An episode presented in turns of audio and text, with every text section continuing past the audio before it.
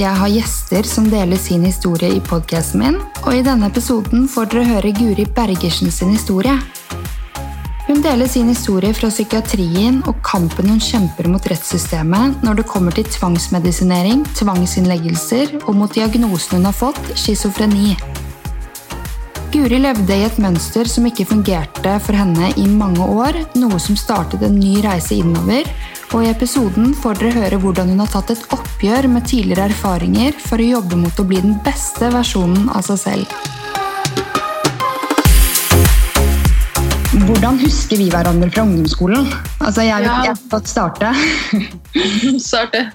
Eh, jeg husker deg, jeg har tenkt mye på det, og så jeg er veldig dårlig på å huske uansett. da, Jeg husker så vidt hva jeg har gjort, annet enn at ja, jeg festa mye og bla, bla, bla.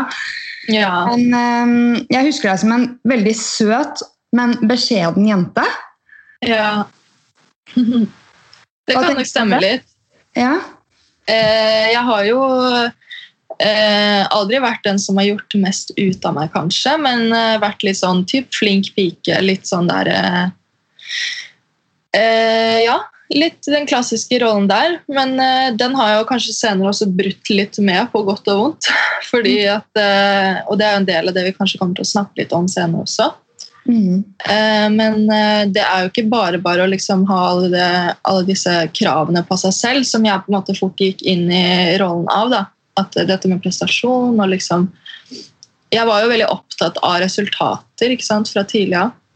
Mhm, ja, fordi eh, jeg husker jo når vi hadde prøver og sånn på skolen, så var ikke jeg den som tok det mest blodseriøst. Jeg danset meg litt gjennom skolen og følte ikke så veldig mye på det presset, fordi ja, jeg, jeg hadde litt sånn vanskelig med å se fremtiden foran meg, at det var så viktig. Altså, jeg hadde jo veldig fine karakterer på ungdomsskolen, men jeg var ikke sånn som higet etter en sekser, sånn som mange gjorde da. Men vil du beskrive at eh, du var på andre siden av meg der? Eh, det kan godt hende, men det som er litt rart med det, er at jeg på en måte strebet ikke etter det, men jeg, jeg la sikkert en del jobb i det, da, og så kom på en måte resultatene ut av det. Så det, og det er jo ganske tidlig, hvis du tenker over det på ungdomsskolen, skal du ikke sitte og stresse med karakterer, egentlig, da skal du jo bare nyte livet. Så jeg misunner deg på en måte litt på den holdningen du hadde her. Fordi du tenker at det er ikke Ja, ikke sant? Jeg tenker Den delen der kom liksom jeg til litt senere, og det er på en måte det er viktig å ha med seg det også. da. At man ikke bare rusher seg gjennom alt som er på en måte krav og sånne ting. Men hadde du et ønske om hva du ville bli allerede på ungdomsskolen, eller var det bare et press du la på deg selv fordi du visste at det hadde noe å si for fremtiden? Ja, Det var nok det siste, for jeg var ikke så veldig sånn fremtidsorientert jeg heller, egentlig. Jeg, jeg visste liksom ikke hva jeg skulle bli. Selvfølgelig hadde jeg jo drømmer da jeg var liten, og sånn, men uh, jeg hadde ikke noe sånn der jeg hugget i sten jeg skal bli lege eller jeg skal bli sånn og sånn. Så det var jo på en måte uh, litt eh, ja, press egentlig bare i forhold til at jeg ville ha åpne veier, da, kanskje etter hvert. Mm. Jeg husker deg jo også som veldig blid. Altså, du var jo ikke en sånn sur person som jeg møtte på i gangen. Altså, du var alltid smilende. og eh, Kjenner du deg igjen i det, da? Ja, ja, absolutt. Jeg ser på meg selv som en uh, blid jente, liksom. Uh, føler alltid at jeg har vært veldig sånn glad i oppveksten og liksom opp igjennom. og Aldri liksom eh, vært sånn sutrejente, hvis man kan si det. Men hvordan husker du meg, egentlig? Ja, eh, du, jeg tenkte også litt på det. Og så um, Jeg husker deg som eh, en veldig kul jente, egentlig. Og åpen og ærlig. Liksom direkte, kanskje.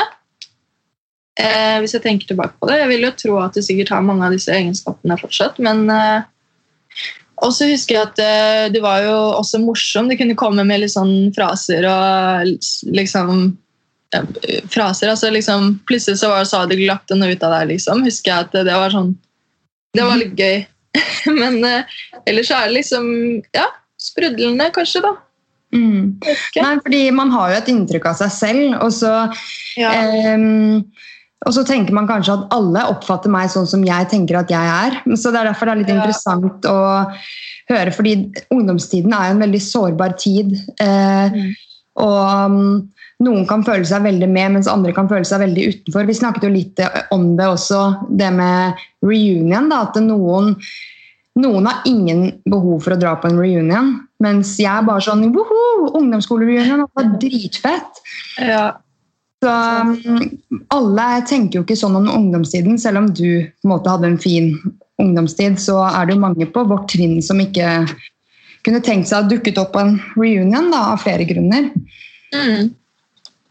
Men Ja, ja, det er, ja, det er sikkert forskjellige opplevelser, og man kan jo aldri vite hva som skjer på en måte på innsiden av noen, tenker jeg, med mindre man liksom har prata med dem. Så det er jo det som er litt interessant også. Eh, komme litt under huden på folk. Og sånn, jeg har jo gått noen runder med meg selv siden da, i hvert fall. Jeg vil jo tro at du også har gjort det, men liksom man utvikler seg, og man Plutselig er man på et annet sted, men eh, man er jo sikkert en del av den man var Altså Man har jo en personlighet underveis som utvikles, ikke sant? så man, noen ting sitter jo der lenge. mm. Men eh, ja. Men så gikk jo årene, og du, um, du har jo vært i møte med psykiatrien en god del. Ja. Eh, Når er det dette startet? Eh, du, det starta da jeg var 18 i 2013, så det var jo rett etter videregående. Um, og dette med psykiatri er jo på en måte, bare for å ha sagt det, er jo eh, på en måte blitt noe av det vanskeligste jeg har gått gjennom sånn i livet mitt. Men det har også vært en slags sånn blessing in disguise, hvis du skjønner hva jeg mener med det. Eh, det kan du utdype litt mer? Ja. Ja. Jo, altså? For første gang når jeg Tilbake til det her med press og liksom sånne ting. Da, at jeg var veldig sånn um, Satte høye krav til meg selv og tenkte kanskje ikke alltid på hva jeg ville ut ifra hva jeg kjente innerst inne i forhold til hva som var opp, eller forventet av meg. ikke sant? Det er fort gjort å gå i den fella. Og som sagt, jeg var kanskje sånn klassisk flink pike-eksempel. Og når jeg da møtte på litt motgang etter videregående, eller på slutten av videregående og kjente at det liksom, karakterene begynte å fade. Jeg måtte slutte med turning, som var min egentlig passion, eller idrett som var min lidenskap på den tiden. Som var veldig vondt å måtte liksom ta et valg om å prioritere skole, som jeg gjorde på den tiden. Og selvfølgelig russetid som kom, alt som skjedde på en gang.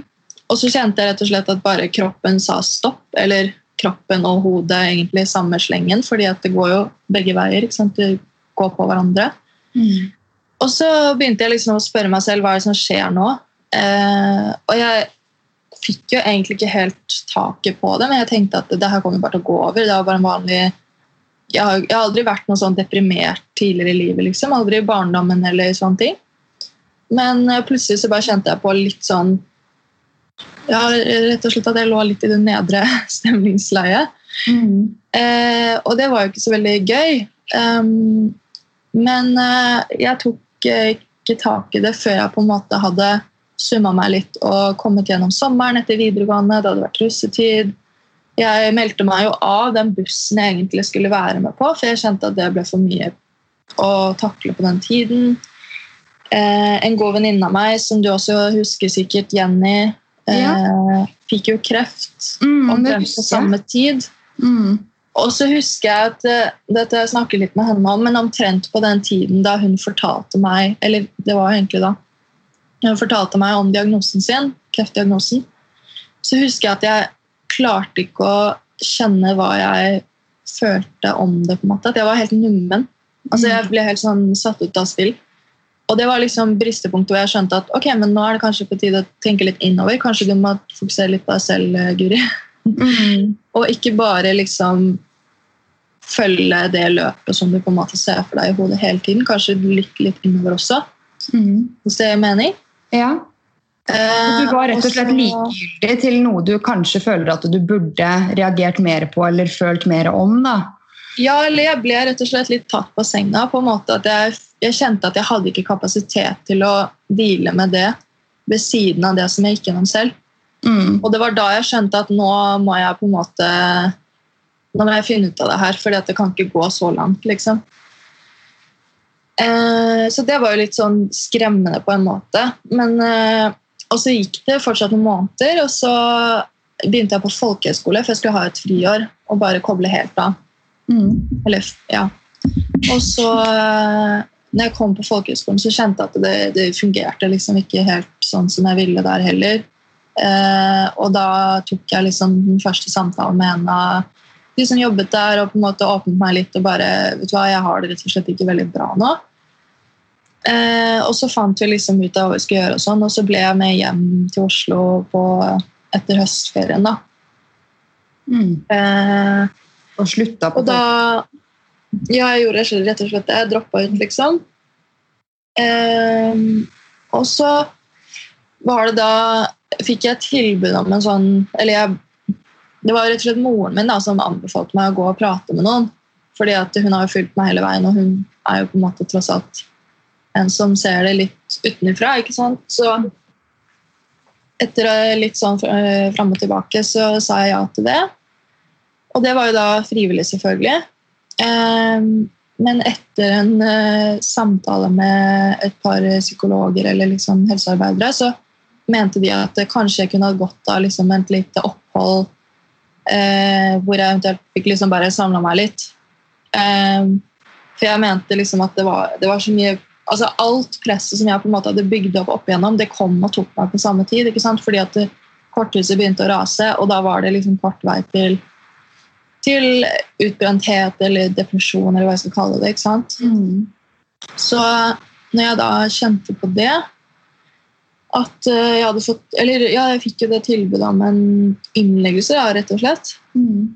Og jeg var jo litt sånn eh, hjelpeløs i den situasjonen. Jeg tenkte at ja, hva enn, liksom. Jeg vil bare ha hjelp.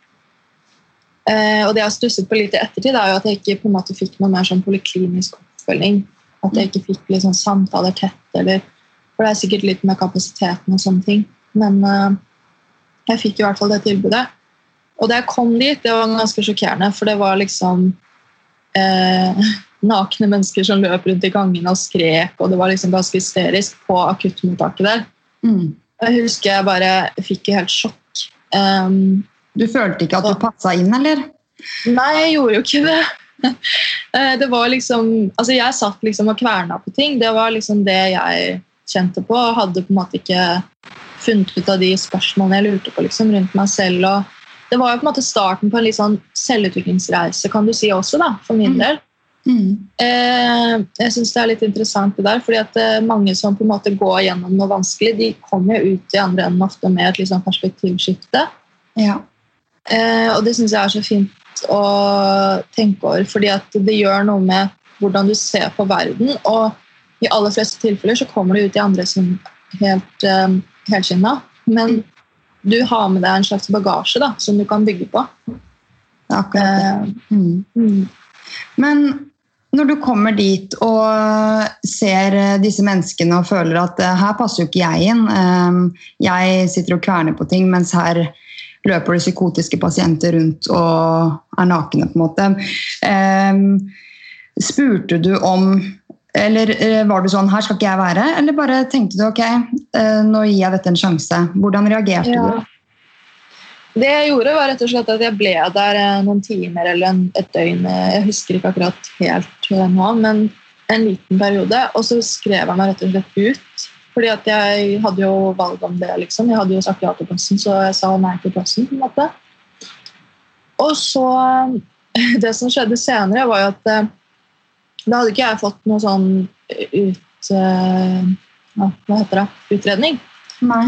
Eh, men jeg hadde jo eh, bare touch, touch base, liksom, på akutten.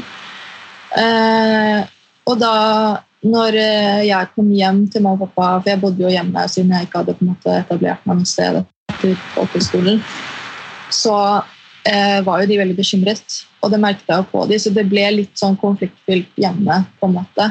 Fordi at eh, Hvorfor tar de ikke imot hjelpen, og liksom hva, sånne ting. Så det har vært en litt vanskelig side ved det her, da. Men eh, Men syns fordi eh, de, din oppfatning er at du hadde liksom eh, ta, eh, mye tankespinn. Men var det sånn at foreldrene dine eh, syns at det var mer enn bare det? At det var unormal atferd, eller siden de syns at det, det var litt dumt ja, at du tok imot tilbud? har, Ja, ikke sant? Jeg skjønner spørsmålet, og jeg tror svaret på det er vel egentlig at ja, de har nok reagert litt på atferden min, men nå er jo på en måte jeg, som du kanskje skjønner, vært veldig i en type sånn eh, rolle helt fram til jeg på en måte møtte veggen litt. Og det at det skjer litt endringer der i på en måte hvordan man oppfører seg, hvordan man tenker at man får litt sånne ut, ikke utbrudd, vi har aldri liksom vært utagerende eller sånne ting. Jeg er jo en ganske rolig jente, Mm. men liksom det at eh, man endrer eller merker, enser en forskjell i oppførsel, det er jo selvfølgelig skremmende for en forelder. Og jeg er jo eldst av mine tre søsken, nei, oss tre søsknene. Mm. Sånn sett så ble jo det liksom litt sånn mye for de kanskje, ikke sant?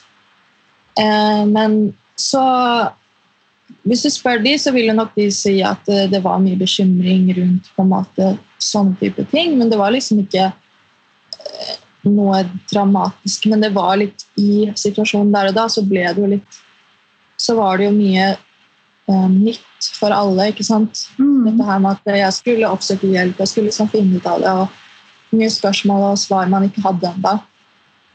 Eh, så når jeg da kom hjem, så eh, ble jo jeg på en måte Så ringte jo faren min, tror jeg, til sykehuset og på en måte mente at eh, dette her går ikke an. Liksom. Dere må hjelpe henne.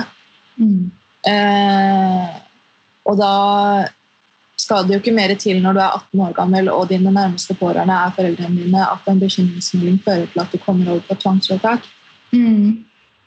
Så det er jo på en måte, det kan jo ha vært flere tilfeldigheter, men jeg tenker at det er såpass eh, er jo sterkt er jo helsevesenet heldigvis på en måte at man tar tak i sånne ting. Og jeg vet om flere historier hvor det ikke går den veien, hvor man må kjempe seg gjennom for å få plass i Mm. psykiatrien.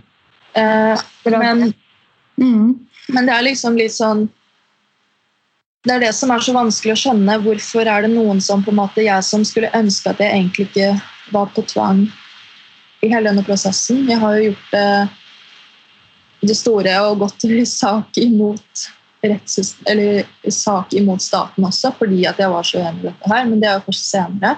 Mm. Men det at, at det på en måte kan Det blir jo en veldig prinsippsak for meg. Men jeg tenker liksom at det, man må kunne finne kanskje en mellomting, da, en mellomløsning som gagner alle, som på en måte ikke er så dramatisk. For det kan være ganske sjokkerende og holdt på å si ja, urovekkende liksom, å, å havne i i liksom den der, Plutselig sitter du der på akutten og skjønner ingenting av hvorfor liksom, Du skal jobbe med deg selv, men du vet ikke helt hvor du skal starte. Og, og så er det ganske mye distraksjoner i form av at andre rundt deg kanskje er mye dårligere. og sånne ting. Mm. Men hva var forskjellen for deg ved å være eh, frivillig innlagt og det å bli tvangsinnlagt?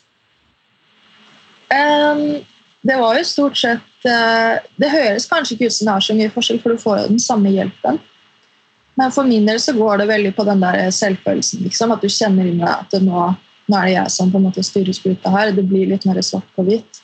Mm. Um, så i uh, Etter eh, at jeg på en måte innså at uh, jeg har faktisk en stemme i det her også, som ofte på en måte kan være litt vanskelig å skjønne når man er en pasient på psykiatrisk avdeling, fordi at det blir, du blir på en måte, uten at du tenker over det, litt Du er jo sårbar, ikke sant, i utgangspunktet.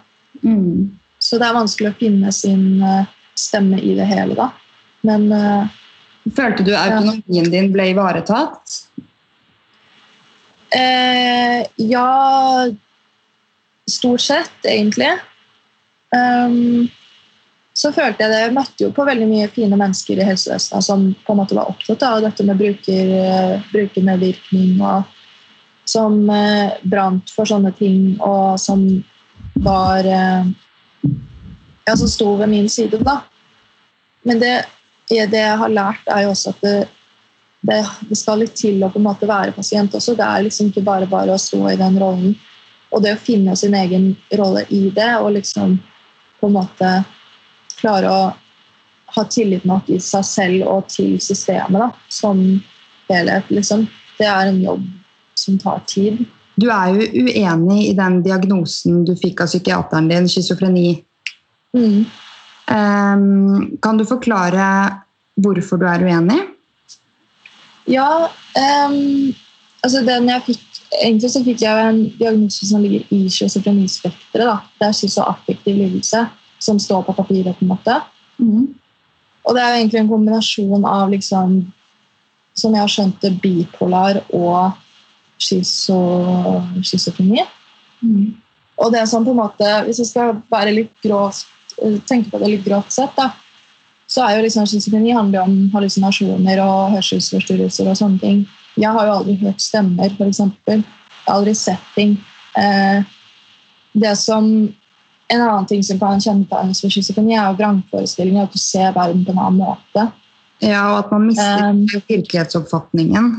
Ja, Mm. Og til de, alle de tingene der så har jeg på en måte tenkt, jeg har tenkt mye over det. Og sånn som jeg ser det, så er det på en måte det at det, eh, I den første utredningen som ble gjort, så var jeg Jeg ser liksom tilbake på det, så ser jeg meg selv ganske som sånn litt usikker og litt eh, skjør i den situasjonen. Men samtidig litt eh, flink pike-syndrom i meg, så jeg på en måte var jo nysgjerrig på hva alle disse tingene de spurte meg om betydde. ikke sant? Så når jeg da eh, fikk et spørsmål f.eks. Eh, lider du av tankekringkasting, Mm. så svarte jeg liksom eh, nei, hva er det Eller jeg spurte liksom hva er det for noe. Prøvde å på en måte få et litt mer utfyllende svar. Jeg hadde jo aldri hørt om disse begrepene før, så hvordan skulle jeg vite om jeg hadde det eller ikke? Mm. Eh, og når jeg da fikk vite at det gjaldt at på en måte tankene dine ble sendt ut på TV osv. Dette er jo sånn standard spørsmål som vi spør liksom, i Mm. et skjema, har jeg forstått. da. Mm. Eh, så, så var jeg på en måte liksom mer spørrende enn jeg var bekreftende eller avkreftende. Og det kan jo på en måte ha gjort at de fikk en følelse av at jeg på en måte For jeg ga ikke så mye av, meg selv i den prosessen, for jeg var ganske sårbar. Mm.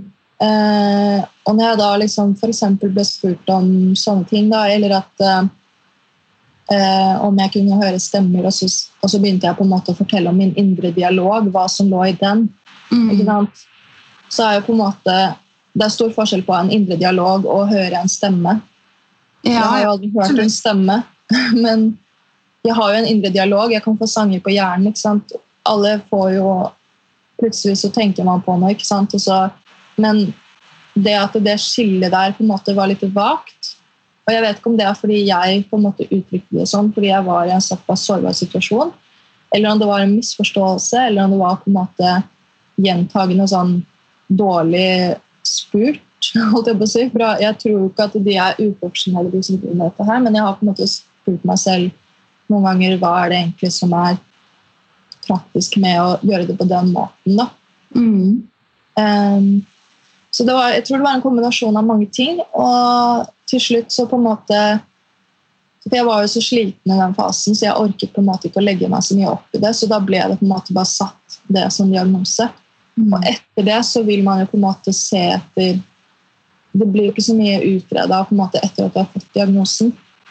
Og da vil man jo på en måte lete etter de tingene igjen i ulike situasjoner. og på en måte eksempel Er jeg litt urolig en dag, så er det på en måte et positivt symptom. Mm. Og at eh, nå har jeg mye tankekjør, f.eks. Og det er på en måte ting vi kan tolke seg fram til. Mm. Men det at jeg kanskje ga litt lite informasjon ut og på en måte I journalen min så står det jo til tider at jeg har vært tildekkende. ikke sant? At jeg har holdt ting tett i brystet, eller at jeg ikke har ønsket å snakke om det. eller sånne ting, Eller latens, som du sikkert også kjenner til. liksom Uttrykket om at man bruker lang tid på å svare. For det er jo ikke alltid så behagelig å sitte der og bli liksom spurt om ting som du ikke egentlig har funnet ut av selv. Nei. Eh, så det er liksom Det er på en måte de praktiske eksemplene, men eh, stort sett så tror jeg egentlig det at jeg var såpass eh, eh, Jeg hadde jo selvfølgelig lyst til å få hjelp, men jeg visste ikke visste ikke hvor jeg skulle starte. Så det ble på en måte bare en sånn der, Det positive med det er jo at når du får en diagnose, så får du jo, har du krav på hjelp. Så du får jo på en måte safa den. Mm. Men uh, Men kan jeg spørre, liksom, hva, hva gikk tankene dine ut på? Eh, Ja. inn, hvor lenge var du innlagt av gangen, og hva var det tankekjøret gikk ut på mens du var innlagt? Eh, nei, det var liksom litt sånn Jeg kunne f.eks. være litt sånn bekymra for fremtiden, selvfølgelig, fordi at eh, ting ble jo litt Gikk jo ikke helt som jeg hadde tenkt. Jeg hadde på en måte ikke noen sånn stor plan. Jeg hadde lyst til å studere fysioterapi for eksempel, etter folkehøyskole, men det ble jo litt avbrutt. Så var det liksom mye sånn tanker rundt det der, og, og f.eks. at jeg jeg begynte liksom å revurdere livet mitt litt på nytt. hvis du skjønner hva jeg mener. At jeg på en måte satt meg selv litt utenfra og prøvde å tenke gjennom hvorfor har det gått som det har gått. Mhm. Siden jeg kjente jo ikke at jeg var på et bra sted da. Så det var mye sånn spørrende ting rundt meg selv og min personlighet. Kanskje ikke personlighet, men mer situasjon i livet, da. Mm. Eh, og hvordan jeg på en måte har havnet der jeg hadde havnet. Mm. Eh, så mm, ja, det var liksom starten på den selvutviklingsveien på en måte da, som jeg følte at jeg havna litt på. Mm. Eh, og det har jeg jo også, som jeg sa til deg, skrevet en del om i et lite manus som jeg prøver å har lyst til å kanskje gi ut som bok en eller annen gang. Da, fordi at eh, For meg så er det veldig terapi det å skrive, og kanskje andre kunne kjent seg igjen. eller at eh, Mm. det å på en måte gå og gruble på ting er egentlig ikke så farlig, men du skal helst ha noen knagger å på en måte henge det på. Mm. Og liksom litt guidelines underveis, for det er ofte litt vanskelig å sitte der alene uten noen rettesnorer. ikke sant? Absolutt. Og er, eh, jeg håper du slipper den boka, for det er så viktig at man eh, får høre folks historie. eh, uansett hva det gjelder. Og, og de som ikke kan noe om psykiatri og psykisk helsevern og diagnosen schizofreni, de lærer noe nytt. ikke sant? Og så får vi som kan noe om det, et nytt perspektiv på det. Og så um, er det jo ikke sånn at det er én som sitter med fasiten. Du også har jo en fasit oppi dette her, og så må man uh, respektere begge veier. At du, du opplevde det sånn, mens uh, de opplevde det sånn, liksom. Ja, det er viktig å være litt nyansert, og det tenker jeg er liksom eh, Den boken heter så langt heter den svart-hvitt, og det er jo på en måte akkurat det som du snakker om, at det, nyanser, og at det, noen ganger så ser man kanskje veldig enten-eller. Ja. Eh, at det er viktig å på en måte klare å se gråtonene og liksom klare å reflektere over ting, og på en måte ikke bare ta alt for det første du, som dukker opp, men at man liksom klarer å se litt rundt ting og ja, i alle situasjoner. Så ønsker jeg å høre litt om eh, hvordan du opplevde det å bli tvangsmedisinert. Ja. ja, det var jo kanskje det minst morsomme med hele greia, fordi jeg eh, er ikke så veldig glad i dette med sprøyter og sånn. Det er- tror jeg ingen er. Men eh, det å på en måte vite at du ikke hadde noe valg, da, at du måtte Og når du i tillegg var liksom litt skeptisk til diagnosen og kjente at det, du var på en måte på nippet av noe og liksom finne ut av noe, men du visste ikke helt hva, hvilken retning det her kom til å ta. I hvert fall i starten så var jeg jo ganske urutta på liksom hele det løpet. da. Men eh, når jeg Det som er bra, er at jeg skjønte jo at jeg ikke kunne på en måte stritte imot og liksom bare lage baluba. Jeg tok jo selvfølgelig medisinen min. Eh, til tider det hendte at jeg snek meg unna hvis jeg fikk tabletter, og det ble jo bare masse styr. så da var Det liksom, det skjønte jeg fort at det er ikke noe vits i å holde på sånn. Mm.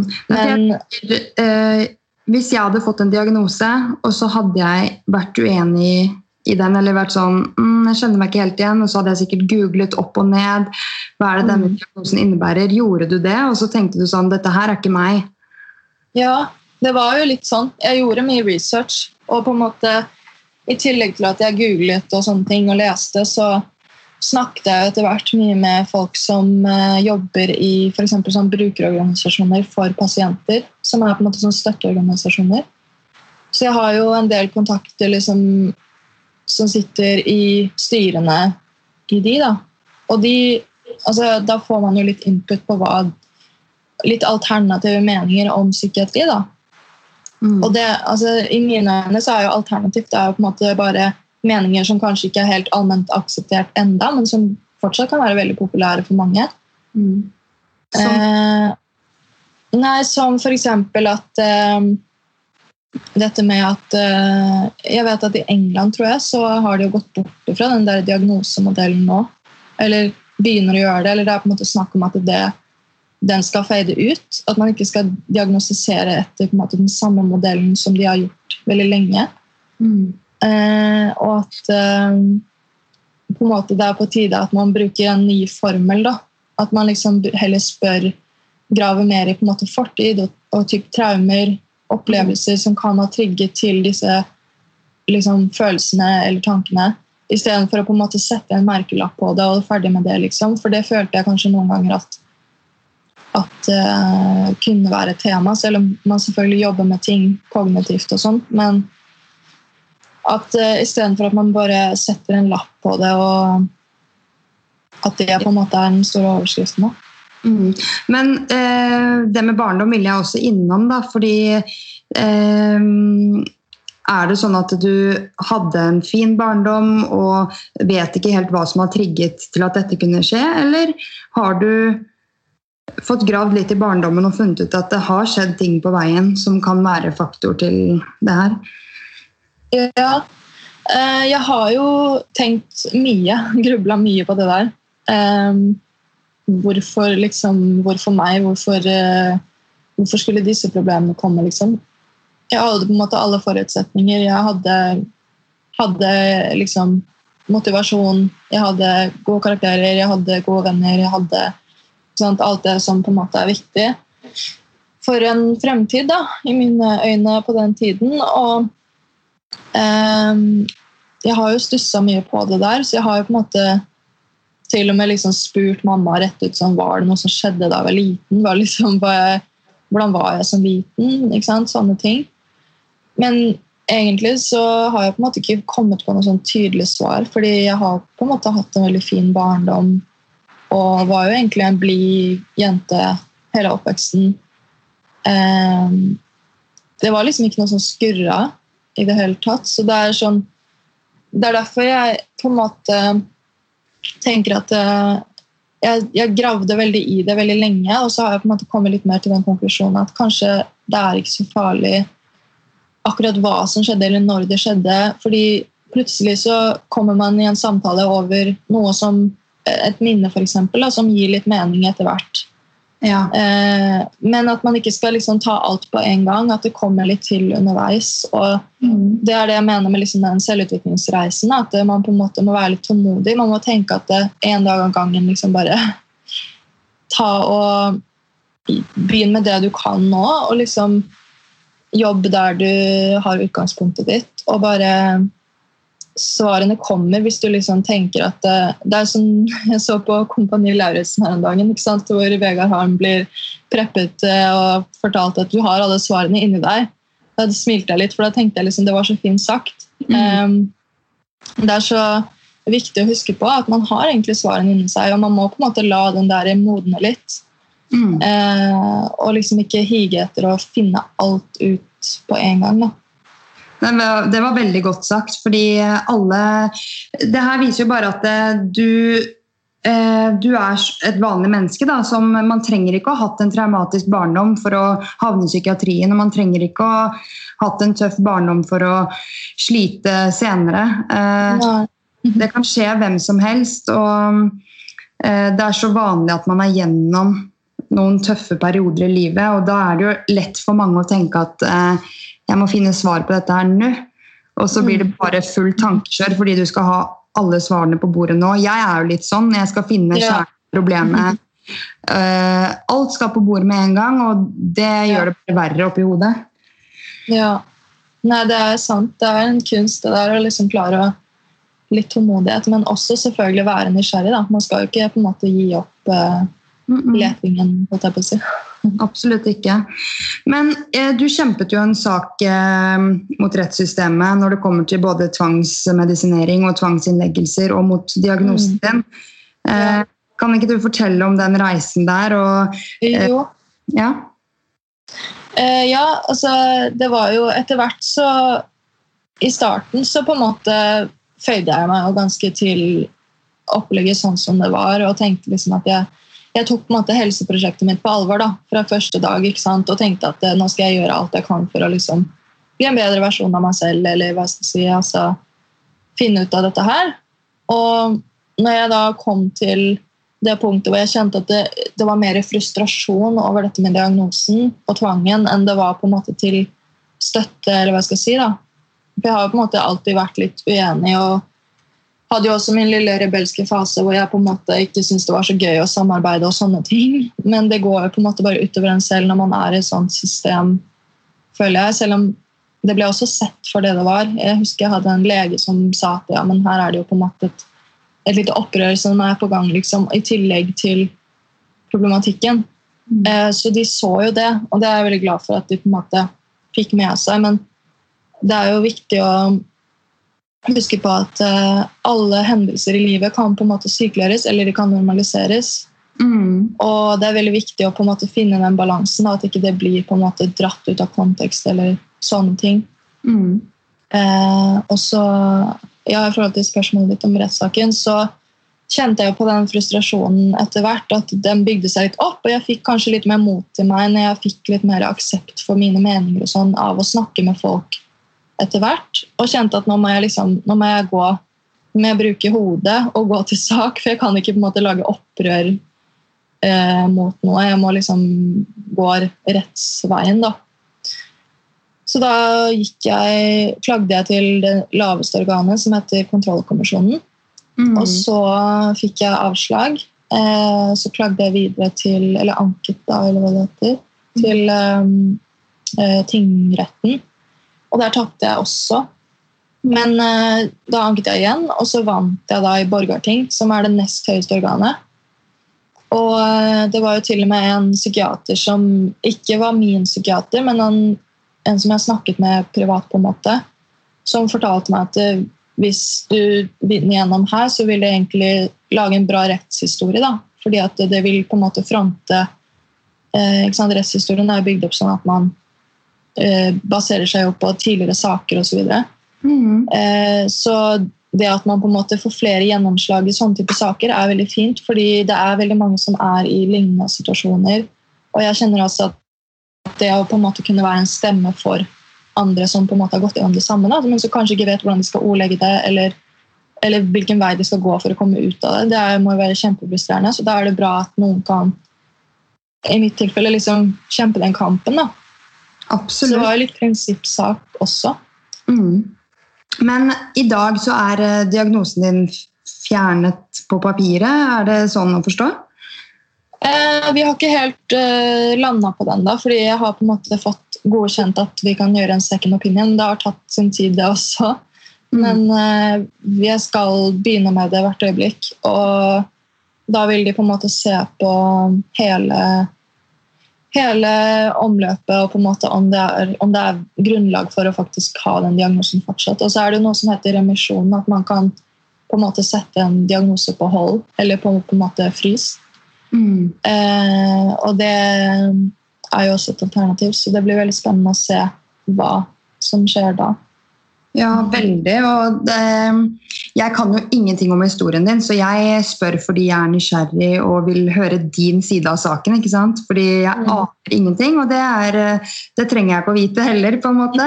For det er ikke det som er budskapet med at du skal gjeste podkasten. Men um, det at du kan være en stemme for andre der ute, og det vil alltid være folk i din situasjon der ute. Alle har mm. kan hjelpe andre med. og um, ja, du kjemper jo en kamp ikke bare for deg selv, men for andre også, da.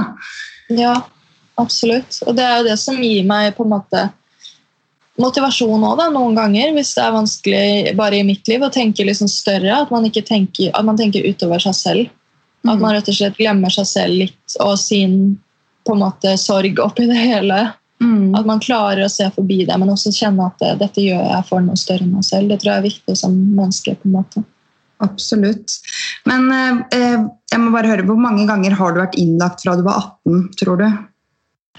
Um, jeg lurer på om det er tre eller fire runder jeg har hatt. Men de har jo på en måte vært relativt korte, bortsett fra det siste oppholdet hvor jeg var et års tid på litt utenfor Oslo Mm. på et litt lengre opphold. For da eh, Det var jo på en måte frivillig tvang at jeg dro dit.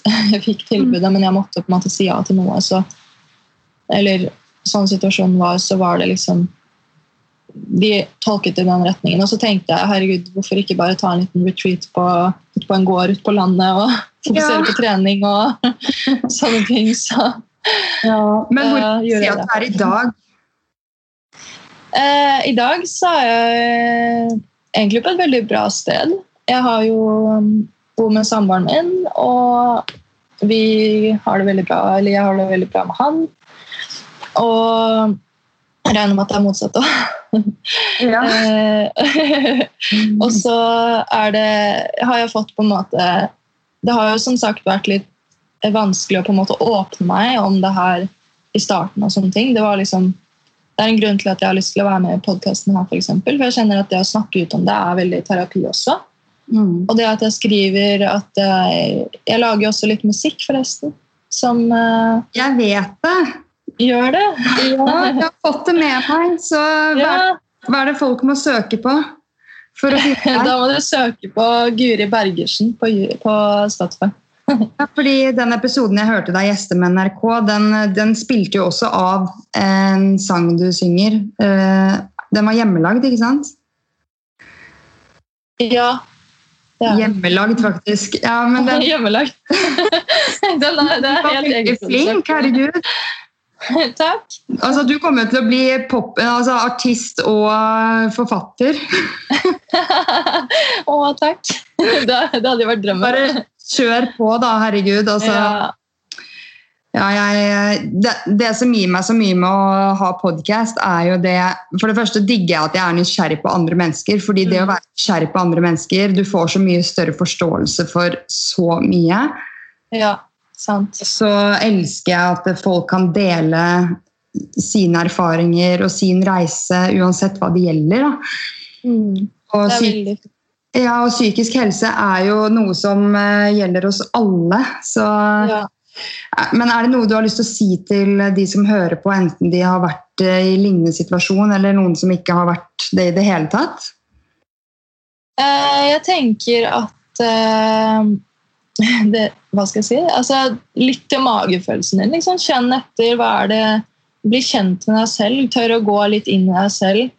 Eh, Jeg tenker Nå i korona så er det sikkert mange som kjenner på dette med liksom sitte, sitte mye alene, kanskje. Eller liksom, at, ting ikke, at man har ikke like mange muligheter som vanlig. Mm. Eh, Jeg tenker liksom det å på en måte bruke den tiden godt. da, Bruk det til å jobbe med deg sjæl. liksom. Eh,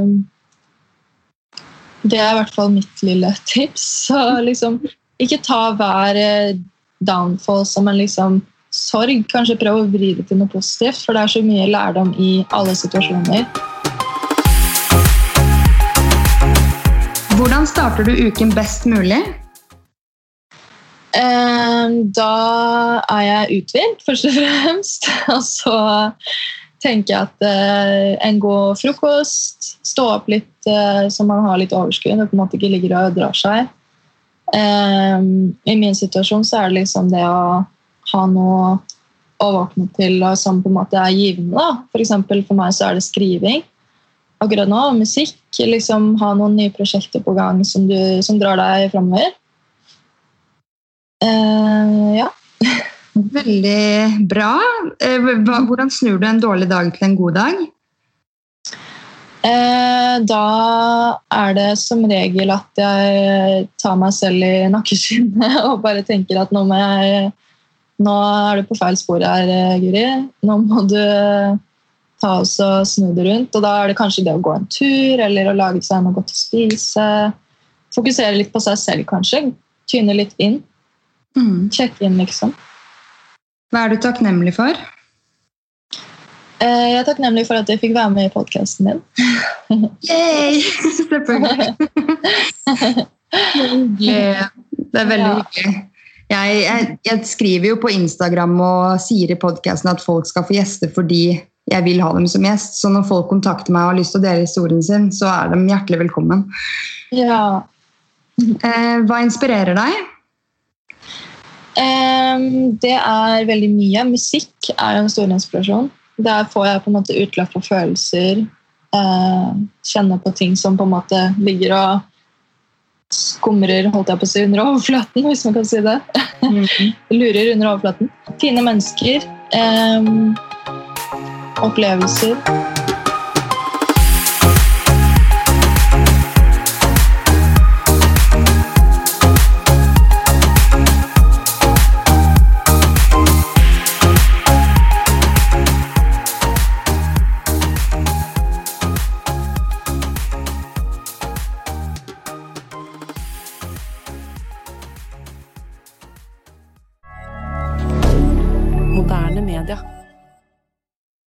Har du et enkeltpersonforetak eller en liten bedrift? Da er du sikkert lei av å høre meg snakke om hvor enkelt det er med kvitteringer og bilag i fiken, så vi eh, gir oss her, vi. Fordi vi liker enkelt. Fiken superenkelt regnskap.